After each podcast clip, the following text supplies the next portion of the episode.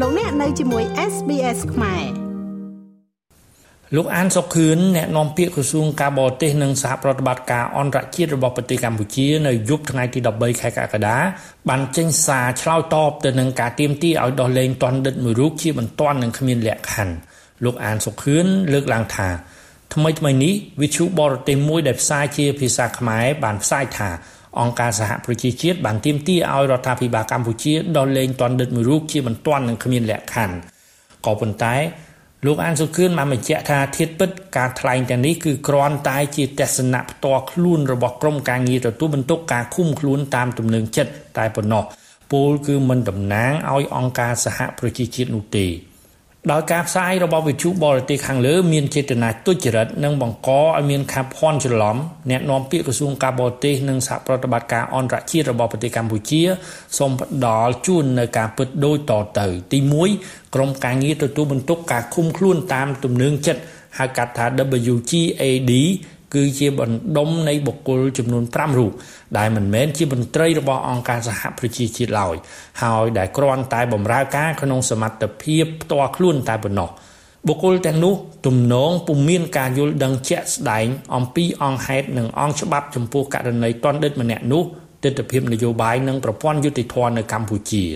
សេចក្តីសន្និដ្ឋានរបស់ក្រមការងារនេះក៏ពុំមានទម្ងន់អ្វីឡើយរួមទាំងទម្ងន់ផ្លូវច្បាប់មកលើរដ្ឋអធិបតេយ្យមួយ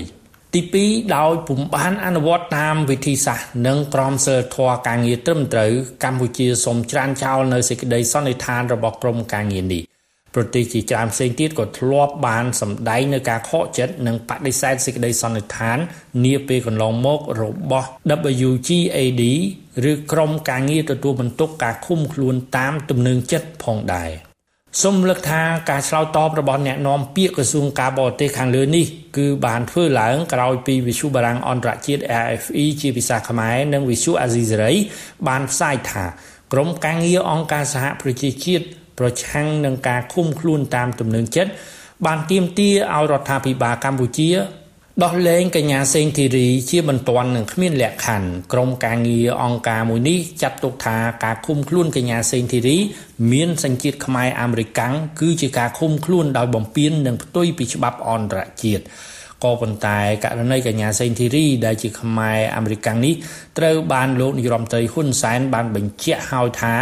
នឹងមិនត្រូវបានដោះលែងឡើយបើមានអន្តរាគមន៍ពីបរទេសផ្ទុយទៅវិញថ្មីថ្មីនេះអ្នកជាប់ឃុំដែលជាសកម្មជនថ្នាក់ដឹកនាំគណៈបកប្រឆាំងនិងអង្គការសង្គមស៊ីវិល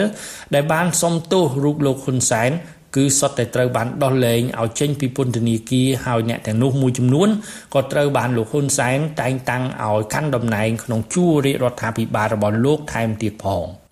សូមរំលឹកថាកាលពីថ្ងៃទី14ខែមិថុនាឆ្នាំ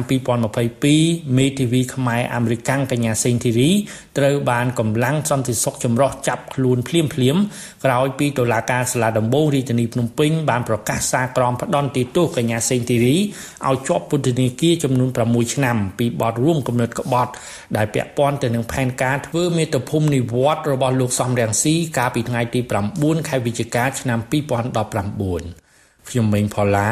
SBS ខ្មែររាយការណ៍ពីរាជធានីភ្នំពេញ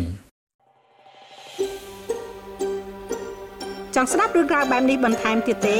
ស្ដាប់នៅលើ Apple Podcast Google Podcast Spotify ឬកម្មវិធីដទៃទៀតដែលលោកអ្នកមាន។